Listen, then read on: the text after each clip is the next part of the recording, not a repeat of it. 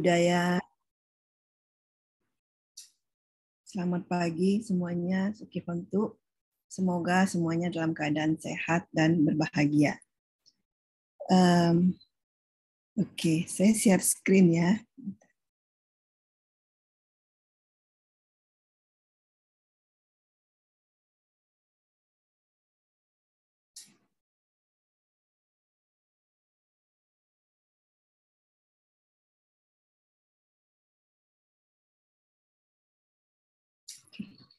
Sebelum kita mulai, uh, mari sama-sama kita uh, memberi penghormatan kepada Buddha.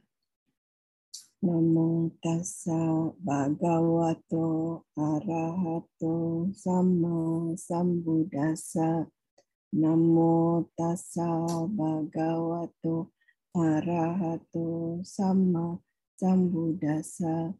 Namo tassa bhagavato arahato sama sambuddhasa namo sanghyang adidaya namo buddhaya. Oke. Okay. Apakah slide saya sudah terlihat? Sudah ya? Sudah Ramani. Oke. Okay. Baik. Nah. Oke. Okay. Kita biasa ya, semua manusia pasti mau mencari kebahagiaan, benar ya? Apa yang diharapkan semua pasti ya berlomba-lomba mau mencari kebahagiaan itu.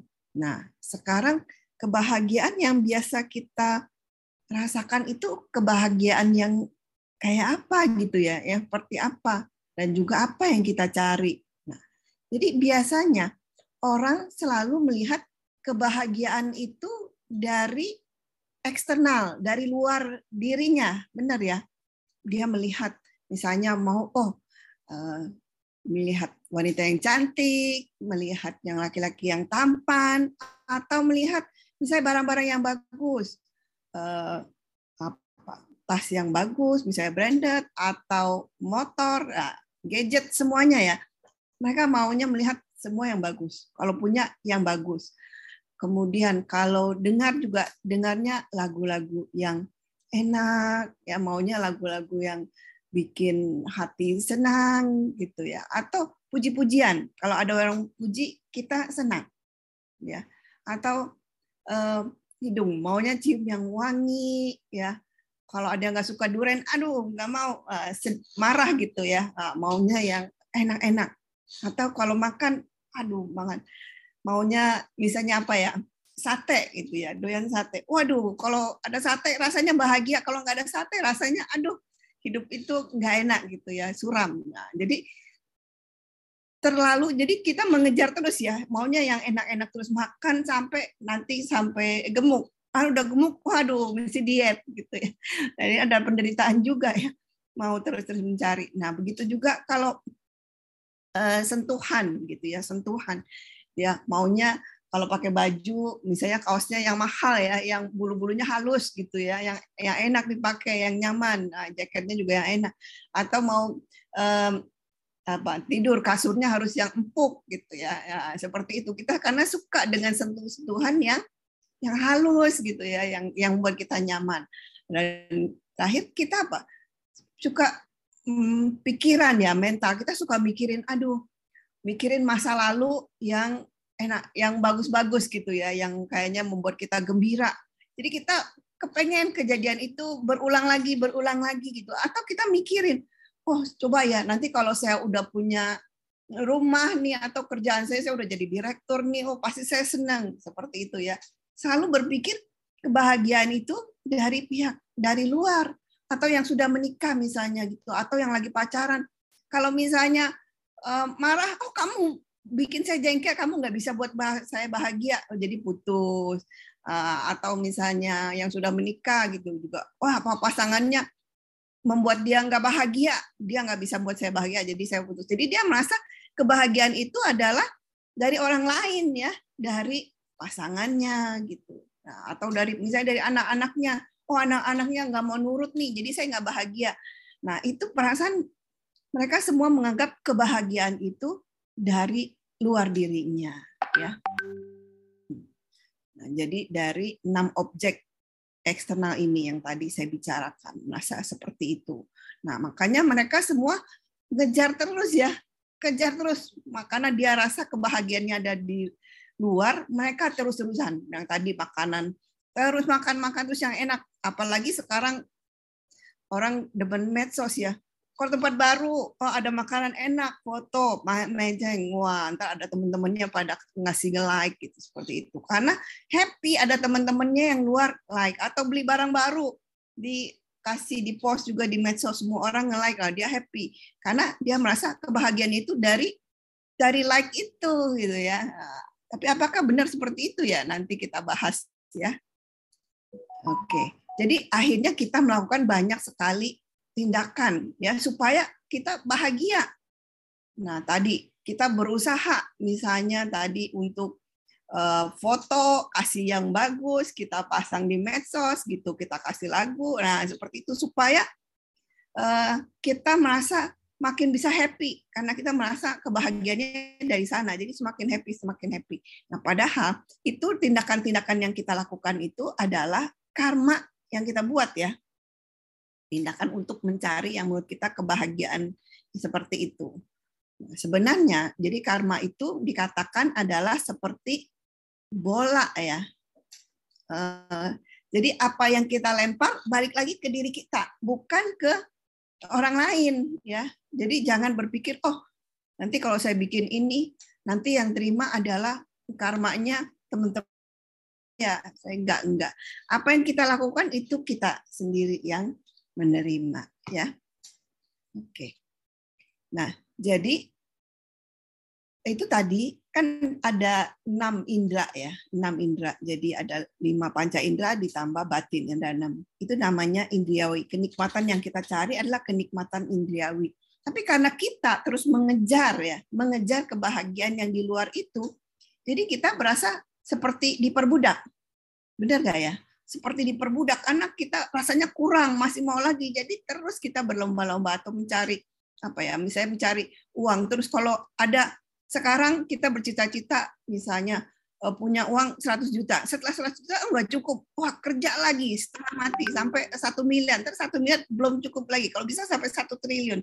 Terus ya seperti itu. Jadi kita kayak diperbudak. Nah Contoh juga yang lain yang simple, kita diperbudak dengan kenikmatan indrawi seperti apa? Misalnya nih, kita ada di tubuh kita ini ada uh, luka. Biasanya kalau udah mau kering, kan kita suka uh, gatel ya. Kita garuk karena menurut kita apa? Enak. Tuh kita garuk-garuk terus, makin garuk makin enak gitu ya. Ada kenikmatan indrawi di situ ya, enak. Padahal kalau udah kita garuk makin luka ya, tapi kita nggak peduli oh karena udah aduh saking gatalnya digaruk udah enak banget seperti itu. Nah, itu seperti itu. Jadi kayak di perbudak padahal kita tahu hasilnya kalau kita garuk itu kita tambah luka gitu ya, bisa infeksi, tapi kita terus lakukan. Nah, kata Buddha, ini juga sama seperti kalau misalnya eh, kenikmatan indriawi itu seperti orang yang lagi bawa obor ya, lagi jalan gitu bawa obor, obor dari jerami, dia jalannya berlawanan dengan uh, arah angin. Jadi kan kena ke dirinya sendiri gitu ya, kena itu seperti itu sebenarnya kalau kita mengejar kenikmatan indriawi. Ya. Nah, jadi sekarang kita mau cari nih kebahagiaan sejati itu bagaimana gitu ya. Kan kita maunya kebahagiaan sejati. Nah, oke. Okay. Jadi kebahagiaan itu bisa kita dapatkan dari dua hal. Yang pertama yang dari yang kasar dulu ya. Yang kasar, kebahagiaan ini bisa kita kembangkan dengan pertama berbagi, berbagi apa yang kita miliki dengan orang lain, ya. Nah ini juga sama seperti dana sebenarnya. Jadi dana itu kan nggak hanya uang ya, dana bisa uang juga, bisa yang lain. Nah tadi pagi kebetulan saya ada baca cerita di dari internet ya, ini di Amerika. Jadi ada ada dua saudara yang beberapa tahun yang lalu, mungkin sekitar 20 eh, tahun yang lalu di kalau kita tahu di Eropa Timur tuh di Yugoslavia itu ada perang. Jadi orang-orang pada pergi dari negaranya gitu ya, mengungsi. Nah, ceritanya ada dua anak ini perempuan dia baru berusia 12 tahun dan kakaknya mungkin sekitar 17 tahun. Berdua itu pergi, pergi mengungsi ke Amerika hanya berdua. ada karena ada satu kakaknya lagi yang lagi kuliah gitu di Amerika. Jadi dia pergi, nah dia bilang di di pesawat itu ada orang yang kasihan, kasihan dengan mereka itu, akhirnya kasih amplop, kasih amplop di situ dibilang, aduh kamu kasihan ya negara kamu Yugoslavia itu lagi uh, habis dibom. Jadi ini saya kasih, semoga uh, kamu bisa memanfaatkan ini ya gitu ya. Tapi dia bilang jangan dibuka sampai nanti kalau kamu udah tiba di tujuan kamu boleh buka. Nah, jadi singkat cerita setelah dia buka itu dia ada dikasih 100 dolar. 100 dolar Amerika dan itu cukup besar. Katanya dia bisa bisa pas dia buka juga dia bahagia sekali karena bisa dapat 100 dolar itu bisa untuk makan selama musim panas. Ya, jadi dia nggak pernah lupa dengan kejadian itu.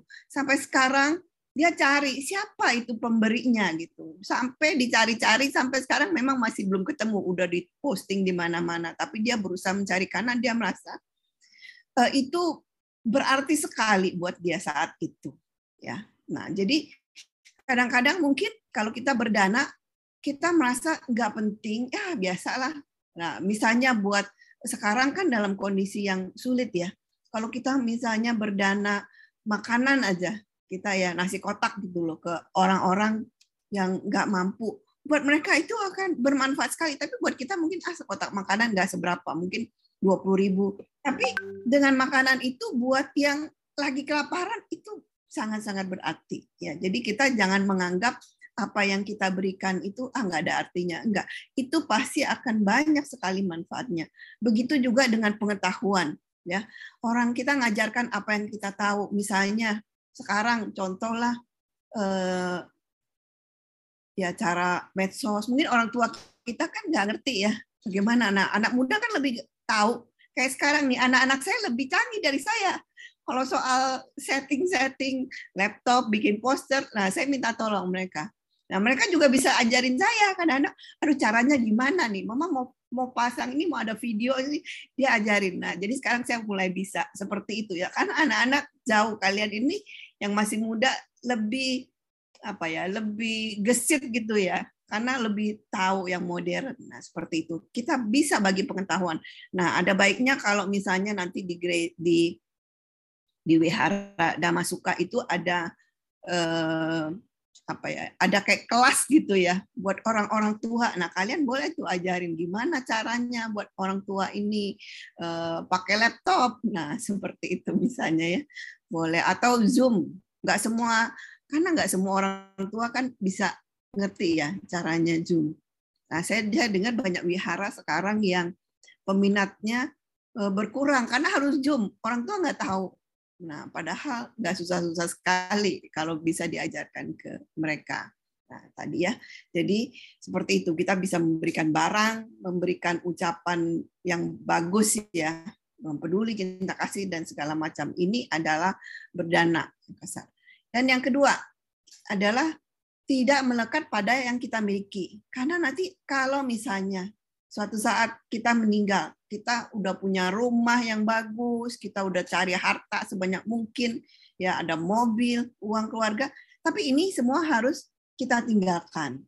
Jadi kalau kita bisa yang pertama tadi berbagi apa yang kita miliki dengan orang lain dan juga tidak melekat terhadap milik kita, ini udah sebenarnya satu bentuk kebahagiaan tapi masih yang kasar, ya, kebahagiaan yang kasar. Selanjutnya ada kebahagiaan yang lebih halus. Nah, apa itu kebahagiaan yang lebih halus? Yaitu tidak mencelakai orang lain. Nah, tidak uh, mencelakai dengan arti tidak melakukan tindakan fisik, memukul ataupun ya nggak cuma orang lain ya, bahkan kepada binatang segala macam tidak membunuh ya, dan juga tidak maki-maki tidak maki-maki orang ya dengan ucapan-ucapan yang kasar. Nah, ini sebenarnya uh, sudah tertuang di dalam pada saat kita menjalankan lima sila, tidak membunuh, tidak mengambil barang yang tidak diberikan, tidak berbuat tindakan yang asusila ya. Terus tidak berkata-kata kasar, berbohong dan segala macam dan juga tidak minum minuman keras. Karena apa?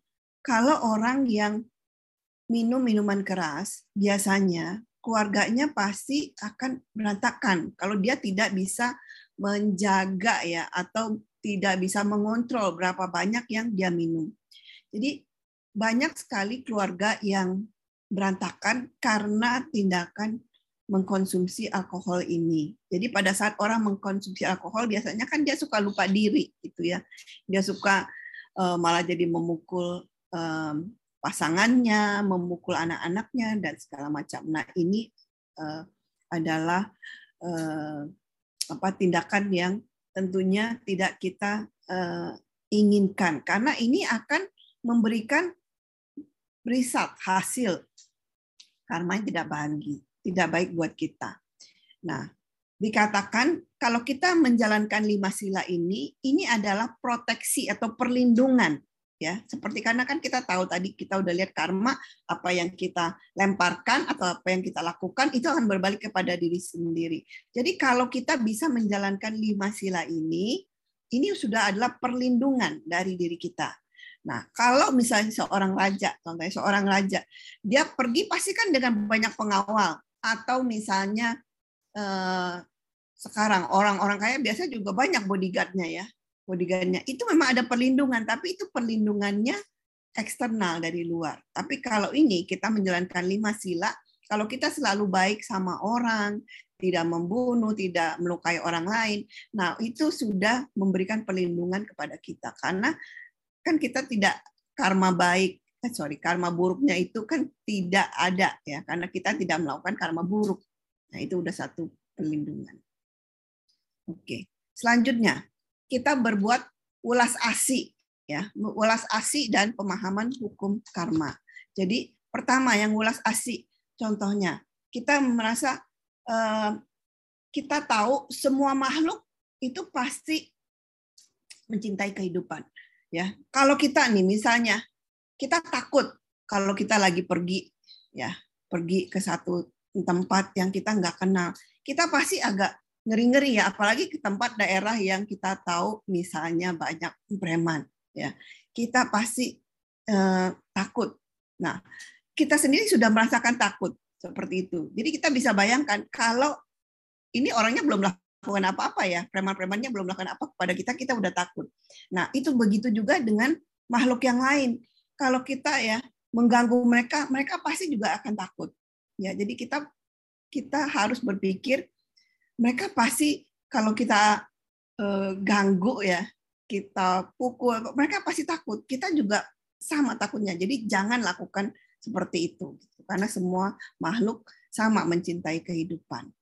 Ya, kemudian kita bisa kirim meta ya, kirim meta kita bisa pada saat kita meditasi kita mengirim meta ke mereka, terutama kalau meditasi itu kita harus kirim pancarkan meta ke diri kita sendiri ya.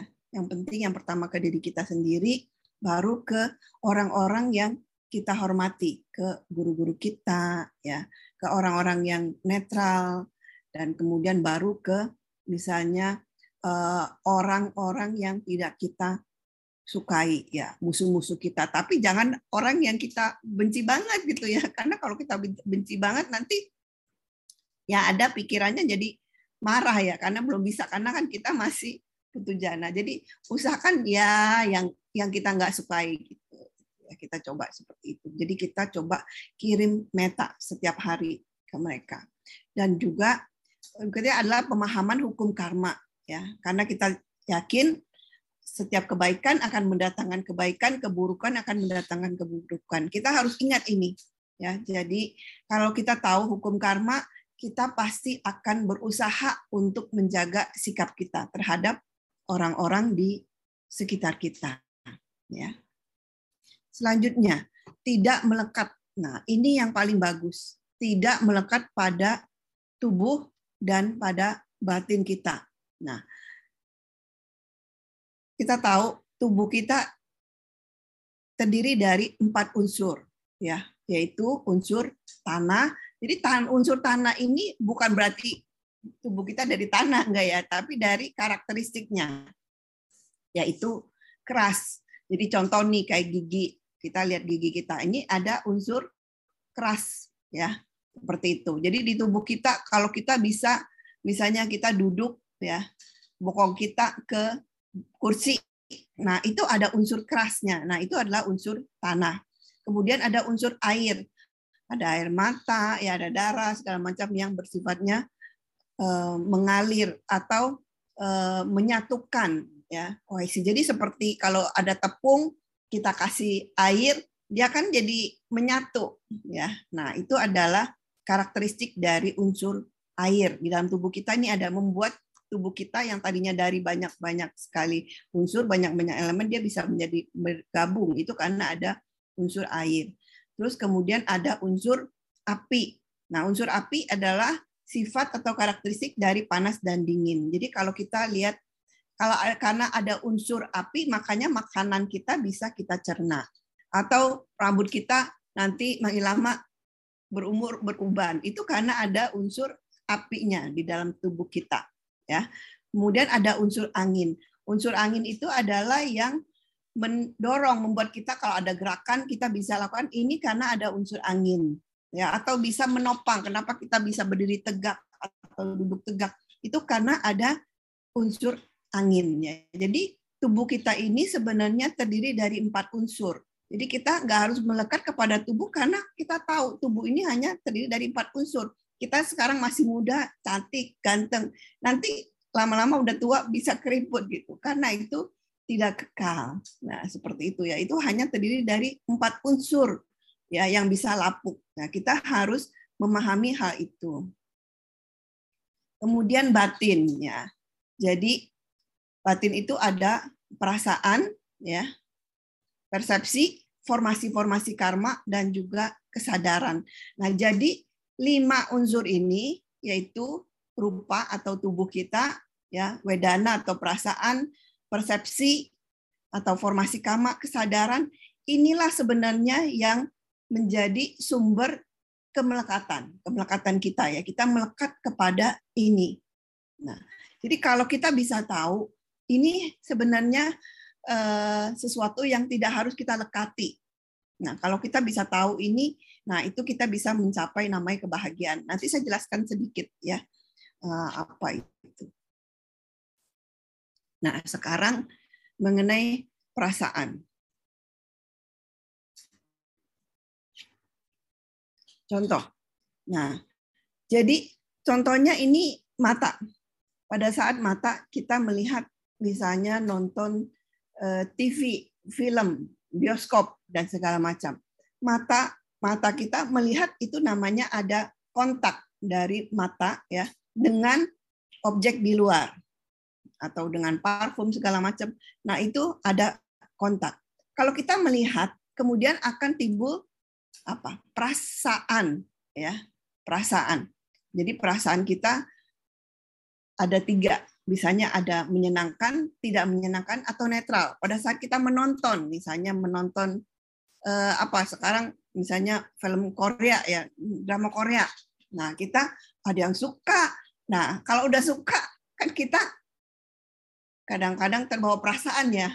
Filmnya bagus, wah aktor aktrisnya ganteng, wah jadi kita senang mau nonton satu seri belum selesai lanjut lagi lanjut. Nah itu karena kita merasa ada perasaan menyenangkan. Kemudian kalau misalnya dramanya sedih, kita merasa aduh gimana ya rasanya sedih. Nah itu perasaan tidak menyenangkan atau ya biasa-biasa aja. Jadi setiap ada kontak dari mata dengan objek pasti nanti akan menimbulkan perasaan. Nah, ini ini adalah pertama. Kelompok pertama yang membuat kita melekat adalah perasaan karena kita ada perasaan senang makanya kita mau terus-terus nonton misalnya gitu ya. Kalau kita nggak senang ya udah kita nggak mau. Nah ini adalah uh, kelompok lekatan yang pertama yaitu perasaan.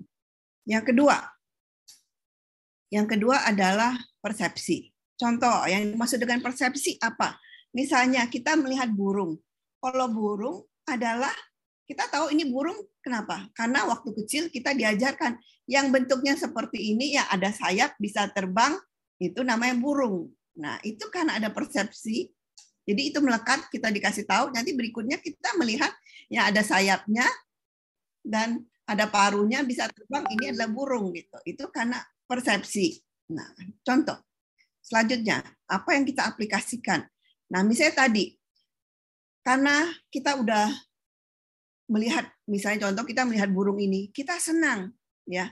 Ada perasaan e, menyenangkan setiap kali melihat ada burung. Makanya kita mau punya burung. Jadi kita mau pelihara terus-terusan ya. Kalau bisa e, selamanya. Nah, supaya saya bisa bahagia terus kalau punya e, burung seperti ini yang bagus. Jadi kita akhirnya masuk ke dalam sangkar. Jadi kita melekat ya pada saat burung itu meninggal kita sedih karena kita merasa oh seharusnya dia bisa hidup terus supaya saya bisa bahagia terus. Nah, seperti itu. Nah, itu perasaan yang kita merasa perasaan menyenangkan itu harusnya permanen, harusnya ada terus gitu. Kemudian kita juga merasa ada hidup kita itu ada ada diri kita ya yang permanen. Seharusnya kita um, apa ada hmm, selalu ada gitu ya kita eh, nggak sakit selalu sehat selalu muda terus kita maunya gitu kita menganggap harus ada ada diri atau ada perasaan yang permanen yang menyenangkan atau yang kita sukai itu harus ada terus. Nah, itu adalah yang kita sebut sebagai persepsi yang menyesatkan atau sanya wipalasa. Karena sebenarnya semua hal itu tidak permanen, baik perasaan pun itu tidak permanen, objeknya tidak permanen.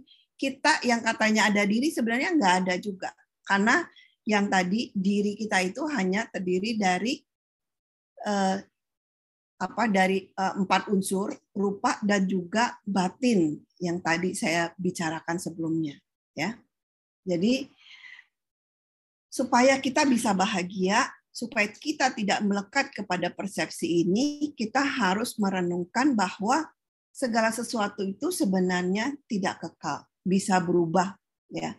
Jadi enggak semuanya itu adalah kebahagiaan. Kelahiran sebenarnya juga bukan satu kebahagiaan, sebenarnya adalah ketidakbahagiaan karena kita lahir akibat dari karma kita. Karma kita sebelumnya kita masih melekat, masih banyak keinginan, makanya kita bisa lahir lagi Nah, kalau kita sudah lahir, kita pasti akan nanti uh, berkembang ya. Kita tumbuh menjadi um, dewasa, usia tua, sakit, meninggal lagi seperti itu ya.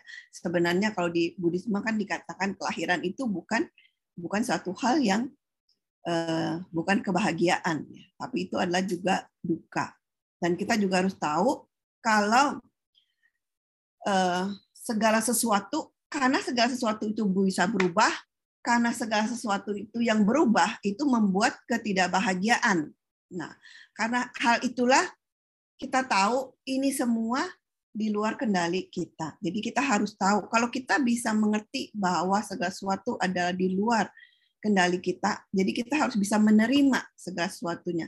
Nah, ini bisa membuat kita lebih bahagia. Kalau enggak, kita merasa oh kok begini ya, kok begini ya, kok hidup saya begini? Kalau kita selalu menyesali ya seperti itu, ya merasa kita bisa mengontrol segala sesuatunya, nah itu membuat kita tidak bahagia. Ya. Oke. Selanjutnya, kelompok kemelekatan pada formasi. Formasi, formasi, formasi itu maksudnya adalah formasi karma atau tindakan-tindakan. Jadi contoh seperti nafsu, ya tadi kemarahan, kecemburuan, Nah, ini keserakahan, ketakutan, penyesalan, kekhawatiran, ini semua adalah formasi-formasi karma atau sangkara yang kita lakukan. Nah, jadi kalau ini adalah sisi dari karma buruk ya. Kalau yang kita lakukan ini sebenarnya kita membuat karma buruk yang baru. Nah, di sisi lainnya ada keyakinan kepada Buddha Dharma dan Sangha. Ini adalah formasi-formasi karma yang baik. Kita selalu sukacita, selalu berwalas asih, perhatian penuh. Nah, ini adalah eh, formasi kelompok pelekatan kepada formasi. Ada orang misalnya yang eh, karena keyakinan kepada eh, agamanya baik gak? Sebenarnya baik, tapi karena terlalu membabi buta membuat tidak baik juga gitu ya. Jadi kita harus tahu juga batasannya. Ya, ini adalah kelompok pelekatan terhadap formasi-formasi. Berikutnya adalah kelompok pelekatan kepada kesadaran ya. Jadi ada kesadaran mata, kesadaran telinga. Jadi sebenarnya kalau kita melihat satu objek itu disebut kesadaran mata. Kalau kita telinga kita ini ada eh, ketemu objeknya suara, nah itu nanti akan timbul muncul yang namanya kesadaran telinga. Nah kemudian pada saat kita mencium ya mencium bau-bauan itu akan muncul kesadaran um, kesadaran hidung ya kesadaran hidung. Begitu juga pada saat kita uh, mengecap makan sesuatu nanti akan muncul kesadaran lidah. Pada saat kita menyentuh akan muncul kesadaran tubuh. Dan juga pada saat kita berpikir segala macam itu akan tumbuh kesadaran batin. Dan ini adalah lima kelompok kesadaran yang membuat kita melekat yang tadi saya di awal saya cerita kalau kita ada suka makanan enak, kita mau lagi mau lagi makan terus-terusan. Nah, itu karena ada muncul kesadaran, telinga ada kontak, kemudian ada perasaan jadi kita mau terus ya. Nah, sekarang bagaimana kita bisa membebaskan diri dari uh, pelekatan terhadap tubuh dan batin ya. Caranya supaya kita karena kan ini yang paling penting. Sebenarnya yang kelima ini kalau kita bisa membebaskan dari tubuh melekat terhadap tubuh dan batin ini itu yang paling bisa membuat kita bahagia yang halus bukan yang kasar ya. Jadi pertama yang kita lakukan adalah perhatian penuh. Jadi kalaupun ada segala sesuatu misalnya kita lagi marah yang penting kita harus menyadari aja. Oh iya memang saya lagi marah misalnya ada orang yang menyebabkan kita marah atau segala ada hal yang buat kita marah ya kita terima aja Ya, ini adalah yang disebut perhatian penuh, perhatian yang bijaksana ya, perhatian yang bijaksana. Dan kemudian kita harus ada yang namanya kebahagiaan ya. Kebahagiaan. Jadi kita harus menyadari ya. Kalau misalnya kita lagi sakit, kita jangan bilang, "Oh, ini sakitku. Oh, ini saya yang sakit." Nah, kalau kita selalu meng, meng, apa ya namanya me, mengidentifikasikan ini adalah milik saya segala macam itu membuat kita kalau tadinya sakit tambah sakit. E, pernah dengar nggak ada yang hmm, belum lama ini ya ada uh, American uh, Idol uh, perempuan siapa ya namanya Nightingale atau apa yang uh, walaupun dia udah cancer, tapi dia masih bisa perform. Nah, kalau menurut saya itu dia bagus sekali. Walaupun dia sakit, tapi dia nggak bilang, oh saya cancer, saya nggak mau, saya mau tiduran aja, saya nggak bisa ber, nggak bisa melakukan tindakan apa pun, nggak. Tapi dia berusaha tetap maju berkompetisi sampai sampai dia nggak sanggup lagi. Nah itu karena apa? Dia bisa membedakan antara eh, bukan penyakit. Memang itu dia sakit, tapi dia tidak menyatakan, oh ini sakit saya ini saya yang sakit. Jadi tidak mengasihani diri sendiri gitu ya. Itu satu hal yang menurut saya itu bagus. Kemudian kita harus bisa me, kalau bijaksanaan itu kita harus tahu kenapa kalau misalnya kita mengalami satu masalah kenapa ya? Karena kita lakukan apa? Nah kita harus tahu cari tahu gitu menyelidiki seperti itu. Dan yang pasti setelah kita tadi berperhatian penuh dan kita juga punya kebijaksanaan, kita akhirnya tahu bahwa segala sesuatu itu sebenarnya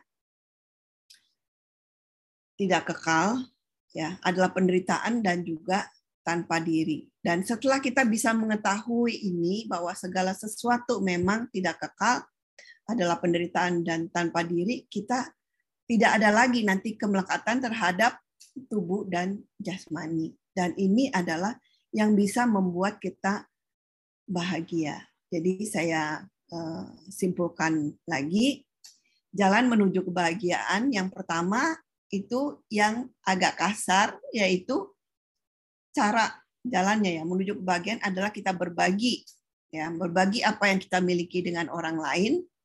Kedua, kita tidak melekat ya pada apa yang sudah kita miliki ini adalah jalan menuju kebahagiaan yang kasar.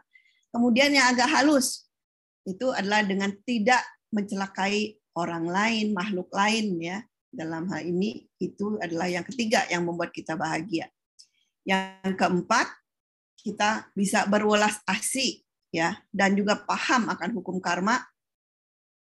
Dan yang terakhir yang bisa membuat kita paling bahagia sebenarnya adalah kalau kita tidak melekat kepada tubuh dan batin kita sendiri.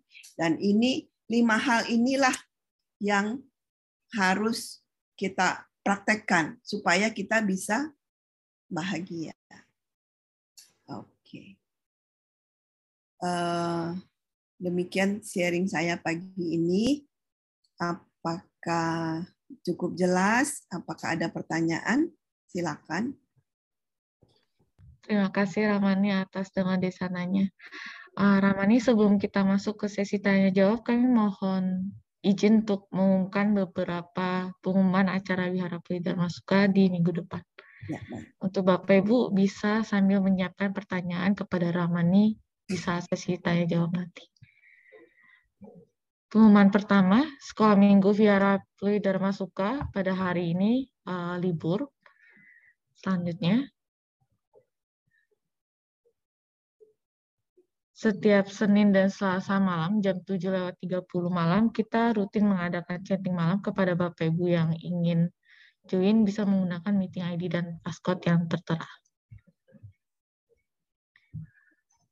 Kemudian Jumat 6 Mei kita akan mengadakan meditasi yang akan dipandu oleh Bante Tena Tejanando jam 7 malam. Dan untuk meditasi ini sekarang kita buka secara offline di Wihara Dharma Suka, Jalan Pluit Permai. Kepada Bapak Ibu yang ingin join ke meditasi secara langsung di Wihara, silakan untuk datang. Atau bisa menggunakan Zoom nantinya. Selanjutnya, eh, hari Sabtu 7 Mei, kita juga akan mengadakan kebaktian umum yang akan dipandu oleh Biksu Nishienching eh, dengan ada perubahan jam ke jam 5 lewat 30 sore. Bapak Ibu yang ingin join untuk kebaktian hari Sabtu bisa menggunakan meeting ID dan passcode Zoom yang tertera di layar. Selanjutnya, pada hari Minggu 8 Mei jam 9 pagi kita mengadakan kebaktian umum yang akan dipandu oleh Bante Atta di Rotera. Dan untuk saat ini tanggal 8 Mei kita buka secara offline di Wihara Pridharma Suka Jalan Permai 1 nomor 26 dan di mana kebaktian tatap muka ini kapasitasnya 75%, peserta mengikuti protokol dan persyaratan yang telah ditetapkan. Dan Bapak Ibu juga bisa untuk join melalui Zoom juga dengan meeting ID dan passcode yang tertera. Untuk protokol dan ketentuan kebaktian offline nanti, yang pertama eh, Bapak Ibu memiliki aplikasi Peduli Lindungi, memiliki sertifikasi vaksin 1 dan 2, kemudian dalam keadaan sehat dengan suhu tubuh normal, bukan penyintas COVID-19 dalam 14 hari terakhir, uh, dikarenakan nanti tempat duduk akan berjarak bagi Bapak Ibu yang membawa anak di bawah umur 12 tahun dan ingin duduk berdekatan, mohon menunjukkan kartu uh, bukti kartu keluarga secara fotokopi, mungkin bisa hard copy atau soft copy kemudian mengikuti arahan dan petunjuk dari panitia wihara, dan wajib memakai masker selama kebaktian berlangsung. Selanjutnya, Minggu 15 Mei jam 11 pagi, di Wihara Pridharma Suka juga akan mengadakan donor darah kepada Bapak Ibu yang ingin donor darah bisa langsung datang ke Wihara Pridharma Suka. Selanjutnya, dari vokal grup Wihara Pridharma Suka membuka rekrutmen bagi Bapak Ibu yang bisa bernyanyi, bersedia meluangkan waktu untuk latihan dan tampil di perayaan agama Buddha, disiplin dan bertanggung jawab bisa menghubungi uh, Citika atau Cidewi di nomor WhatsApp yang tertera. Next. Uh, kita juga membuka uh, MC bagi Bapak Ibu yang ingin join dengan usia minimal 15 tahun berkomitmen untuk bertugas sesuai jadwal dan disiplin bisa menghubungi Cibeni atau Rianti. Ya, sekian pengumuman uh, Wihara Pridharma Suka untuk minggu depan. Uh, baik, kita masuk ke sesi tanya jawab. Uh, bagi Bapak Ibu yang ingin bertanya langsung kepada Ramani bisa menggunakan fitur raise atau bisa mengetikkan pertanyaannya di kolom chat. Uh, mungkin saya buka dari Zoom. Adakah yang ingin bertanya langsung kepada Ramani? Saya persilakan. Ya, silakan Ko Vincent. Ya, terima kasih atas kesempatannya. Uh, selamat pagi Ramani, Sabiatu Nama Budaya. Ramani izin bertanya. Jadi kan uh, istilahnya untuk kita mengatasi kemelekatan itu kan dengan cara menyadarinya ya Ramani. Tapi uh, bisa nggak kira-kira Ramani memberikan contoh nyata nih? Misalkan kita dalam kondisi melekat pada sesuatu yang kita sukai, entah itu kepada seseorang, entah itu kepada makanan, entah itu kepada hiburan seperti film, eh, melekat kepada yang saya suka saya satu, uh, salah satu tadi, gimana uh, aplikasi nyatanya Ramani kita bisa terbebas dari kemelekatan itu. Karena istilah yang saya sadari juga kemelekatan itu benar-benar meskipun kita merasa senang gitu kan terhadap sesuatu ataupun seorang tapi kemelekatan itu benar-benar nyata itu membawa penderitaan. Yang saya sadari begitu jadi bagaimana istilahnya supaya kita bisa benar-benar terbebas supaya tidak melekat lagi kepada hal-hal yang kita lekati itu. Jadi misalnya sadarinya itu uh, seperti uh, apa gitu kan pengaplikasiannya. Lalu saya juga terpikir Ramani, apakah uh, jika kita uh, menjauh dari apa yang kita lekati itu juga merupakan suatu solusi yang bijak ya Ramani. Ataupun uh, kita misalnya dari tadinya kita menyadari kita menyukai sesuatu orang eh, kita melekat pada itu uh, dan kita uh, mulai ataupun jadi tidak senang gitu. Itu kira-kira bisa jadi solusi juga nggak gitu Ramani? Jadi uh, benar-benar pengaplikasian nyata seseorang supaya dari uh, melekat menjadi tidak melekat lagi itu step-stepnya bagaimana ya Ramani yang baik dan bijak gitu. Itu saja Ramani satu nama budaya? Terima kasih pertama kalau soal makanan ya, contoh makanan. Misalnya kita suka sate lah misalnya tadi ya. Kita suka makan sate, misalnya suka sate kambing. Eh, terus supaya tidak melekat, kita nggak boleh makan. Bukan ya, boleh. Tapi maksudnya kita tahu, saya makan, ada, bagus, nggak ada, nggak apa-apa makan saya tahu ini saya suka tapi saya nggak makan banyak. Secukupnya aja. Misalnya satu tusuk. Kan kita suka tapi kan kita sudah rasakan. Memangnya kalau kita saya makan eh, 100 tusuk saya akan lebih bahagia daripada satu tusuk. Sebenarnya nggak juga. Karena semakin saya makan makin banyak kolesterol saya tambah gitu ya. Kalau yang masih muda nggak apa-apa tapi yang udah berumur kan kolesterol gitu ya. Jadi kita harus tahu itu. Jadi kita harus menyadari ini saya makan hanya untuk menjaga kelangsungan tubuh saya aja. Memang saya happy, tapi saya nggak melekat gitu. Jadi nggak harus saya cari. Kan kadang-kadang ada orang ya, karena suka, oh apalagi di sana ada yang jual makanannya, misalnya sate kambing enak. Saya harus cari gitu. Enggak, nggak perlu seperti itu. Ada ya boleh, enggak juga nggak apa-apa. Gitu. Jadi nggak membuat kita menjadi uh, stres gitu ya kalau nggak dapatkan. Itu kan berarti kita melekat. Ya, karena ada orang misalnya, kayak orang Indonesia lah contohnya, kita kan biasa makannya makan nasi, ya. Jadi kalau nggak ada nasi, oh rasanya belum makan gitu. Rasanya tetap harus ada nasi, walaupun sedikit ya masih ada nasi gitu. Nah itu kan sebenarnya melekat, karena makan kalau ada sayur pun sayur aja juga sudah cukup kenyang gitu. Nah jadi seperti itu kita nggak harus melekat, yang penting ada makanan.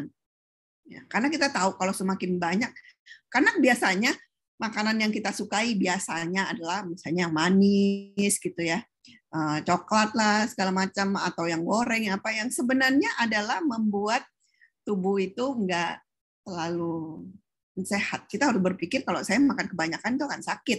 Jadi saya makan secukupnya aja ya menjaga porsi yang yang wajar. Nah itu dari segi makanan.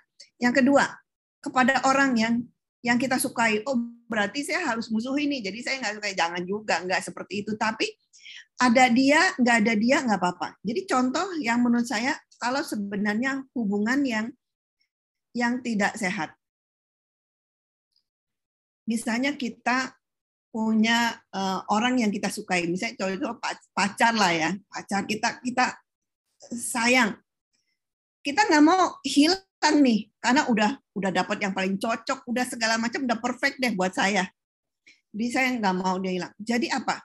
Dia pergi ke mana saya masih tahu. Ya, contoh melekat. Jadi saya minta dia, kamu harus hubungin saya ya. Kalau kamu ke mana, saya harus kasih tahu saya atau sebentar-bentar saya call kamu ada di mana kamu sama siapa nah kalau seperti itu hubungan yang seperti itu kan terlalu posesif ya karena saya ada kejadian ini benar. Dulu ada satu orang yang saya kenal lah. Udah udah suami istri tapi istrinya sangat posesif. Jadi ke mana pun pasti ditelepon harus video call harus lihat ada di mana. Nah kalau punya hubungan seperti itu bahagia nggak? Mungkin awal-awalnya waktu awal pacaran iya, awal pacaran. Pasti bahagia karena ada orang yang begitu sayang sama kita.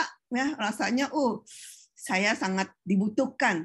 Tapi kalau udah terlalu lama apalagi sudah menikah seperti itu, kita merasa menjadi satu belenggu. Karena kita mau ke mana-mana aja nggak bisa. Kita merasa nggak dipercaya. Itu tidak lagi menjadi satu kebahagiaan. Itu adalah menjadi apa ya kita jadi antipati kok begini ya itu jadi tidak lagi menjadi uh, bahagia ya jadi wajar-wajar aja karena kalaupun misalnya ya dia bertemu dengan teman-temannya atau apa ya wajar dia perlu nggak selamanya dengan kita. Jadi satu waktu dia mau pergi dengan teman-temannya ya nggak apa-apa gitu. Itu hubungan yang yang wajar yang seharusnya. Jadi contohnya kalau saya nih contoh. Ada kalau saya lihat kalau waktu dulu ya waktu masih anak-anak masih kecil lah ya misalnya masih SD saya lihat ada orang tua yang anaknya ke mana-mana harus diikuti ya contoh jadi ada kan biasanya kalau di sekolah ada kayak apa ya kayak kunjungan gitu ya ke mana gitu kunjungan uh, sekolah Padahal udah ada guru-gurunya kan. Pasti sekolah udah udah ada guru guru kelasnya, ada guru yang lainnya yang mengawasi pasti udah cukup banyak. Uh, misalnya lah kunjungan ke peran misalnya gitu ya di anak-anak belajar. Tapi orang tuanya itu khawatir, oh kenapa nanti kalau anak-anak saya jadi dibuntutin harus ikut ke mana ikut. Nah ada study tour misalnya ke taman mini, orang tuanya harus ikut walaupun dari jauh ikut dilihatin dulu karena dia nggak percaya takut anaknya ada apa-apa kalau saya enggak bukannya saya nggak care anak saya karena saya pikir anak saya harus belajar mandiri ya. Karena udah ada guru-gurunya pasti guru-gurunya juga nggak akan sembarangan. Dia udah pikirkan segala sesuatu saya lepas supaya dia bisa saya kasih contoh juga ini yang saya lakukan. Jadi waktu dulu karena kebetulan saya juga kerja, jadi eh, ibu-ibu di sekolah anak saya tuh arrange uh, kunjungan wisata ke saya lupa lah ke mana gitu ya. Saya bilang boleh. Jadi ada anak saya waktu itu anak saya yang kecil umurnya masih sekitar mungkin tiga empat empat tahun, uh, kokonya itu mungkin sekitar hmm, 9 tahun gitu ya. Saya saya bilang oke okay deh saya titip anak saya ini. Nah, sampai teman saya bilang, aduh anak kamu tuh ya, saya mau jadiin menantu deh katanya gitu anak saya yang gede. Saya mau jadiin menantu nih ya anak kamu. Kenapa? Dia ini bisa jagain loh dedeknya katanya. Dedeknya mau makan. Padahal saya di rumah dia enggak. Tapi dedeknya mau makan, dia bisa ambilin makanannya. Kasih dedeknya dulu. Dedeknya udah udah ini udah beres ya dia baru makan katanya gitu selalu dijagain terus dedenya aduh beneran dene katanya gitu kalau udah gede deh mau jadi menantu gitu apa? Karena apa? Saya memberi kepercayaan juga ke anak saya kan? Saya nggak melekat. Saya nggak mau kayak orang-orang yang ke mana-mana saya harus buntutin. Karena kalau enggak dia merasa oh ada orang tuanya ada yang melindungi terus seperti itu. Nah itu sebenarnya kalau orang bilang kok tega? gitu. Enggak juga sih bukannya tega ya. Saya juga sering dari kecil saya sering ikut retret sorry sejak anak saya kecil bukan saya kecil. Sejak anak saya kecil saya tuh juga sering ikut retret. Jadi saya suka tinggal. Bukannya saya nggak ini karena saya eh, kalau saya terus ada dengan mereka terus gitu nanti mereka juga akan selalu melekat kepada saya saya juga melekat kepada mereka gitu. Jadi pada saat di retret ya saya retret saya nggak memikirkan mereka karena saya udah tahu mereka itu ada papanya yang jaga, ada mbaknya di rumah yang jaga, ya pasti bisa gitu. Kita harus bisa bisa menerima itu. Jangan terlalu melekat. Gitu. Karena kalau sampai kita terlalu melekat, kalau ya, mohon maaf ya, jangan sampai ada. Tapi kalau misalnya ada sesuatu kejadian ya, membuat kita terpisahkan itu menjadi kita nggak akan bisa terima nanti karena terlalu uh, uh, melekat gitu, attach. Gitu. Karena kemelekatan itulah yang membuat kita masih terakhir lagi di samsara. Apakah bisa menjawab nggak? Cukup menjawab atau masih ya, mengapa? Menjawab sekali Ramani. Terima kasih Ramani Anumodana. Ya. Terima kasih Ramani Ko Vincent. Uh, selanjutnya pertanyaan dari chat Ramani. Ya. Selamat pagi, nama budaya Ramani. Jika kita sering melakukan me time atau meluangkan waktu untuk diri sendiri demi kesehatan mental, apakah hal tersebut baik adanya? Terima kasih Ramani kalau menurut saya memang perlu ada me time, perlu kalau banyak waktu hanya memikirkan orang lain, tidak memikirkan diri sendiri, itu juga berbahaya ya. Karena kalau kita melatih meta lah contohnya, kenapa kita meta itu pertama harus ke diri kita sendiri. Karena diri kita sendiri itu penting. Kalau diri kita sendiri ya mental kita tidak sehat, ya bagaimana kita bisa memberikan meta ke orang lain kalau diri kita itu sendiri nggak sehat. Jadi kalau menurut saya me time itu perlu, penting. Karena apa? Kita perlu waktu buat kita eh, mencintai diri kita sendiri tapi juga nggak berlebihan ntar me time gue sepanjang hari dari pagi sampai malam me time itu kapan kita ngurus keluarga kitanya enggak ya tapi maksudnya perlu. Saya yakin itu uh, perlu. Karena untuk kesehatan mental kita juga. Apakah uh, menjawab? Tadi pertanyaannya. Menjawab Ramani. Terima kasih Ramani. Selanjutnya apakah ada pertanyaan yang ingin ditujukan langsung ke Ramani, bisa menggunakan fitur raise hand. Atau, atau adakah Bapak Ibu yang ingin bertanya tapi lewat kolom chat, uh, saya persilakan.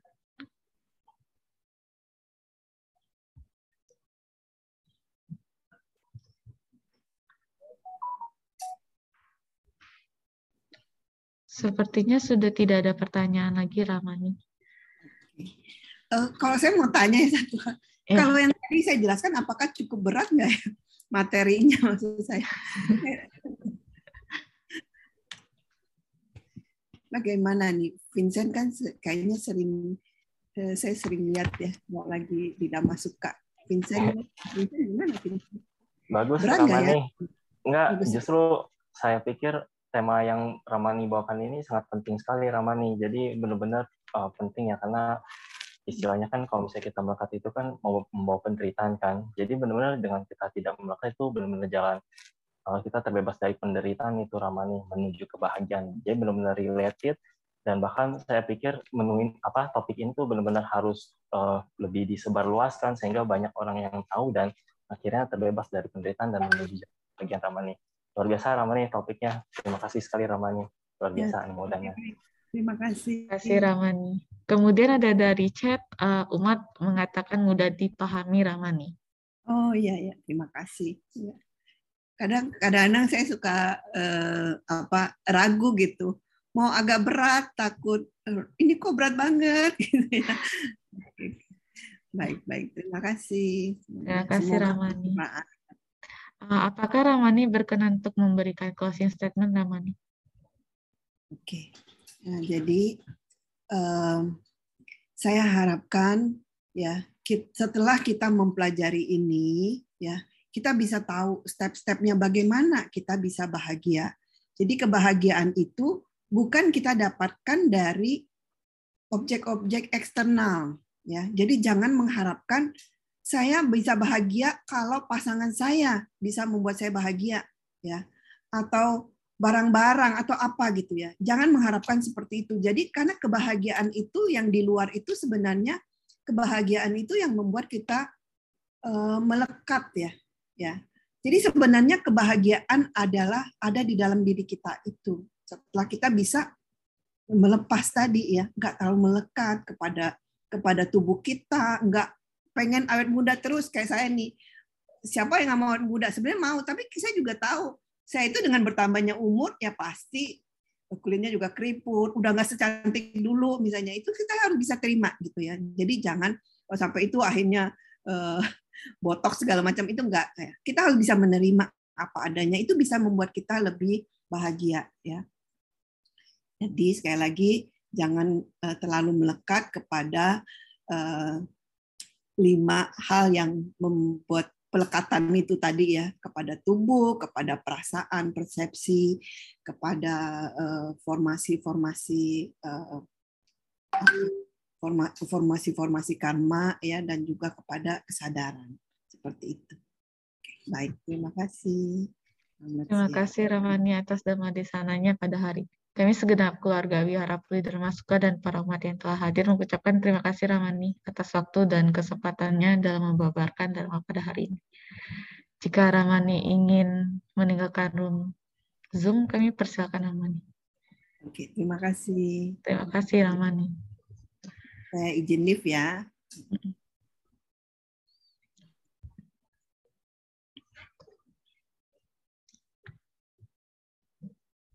Baiklah, kini tiba saatnya kita melengkapi jasa kebajikan kita dengan berdana paramita.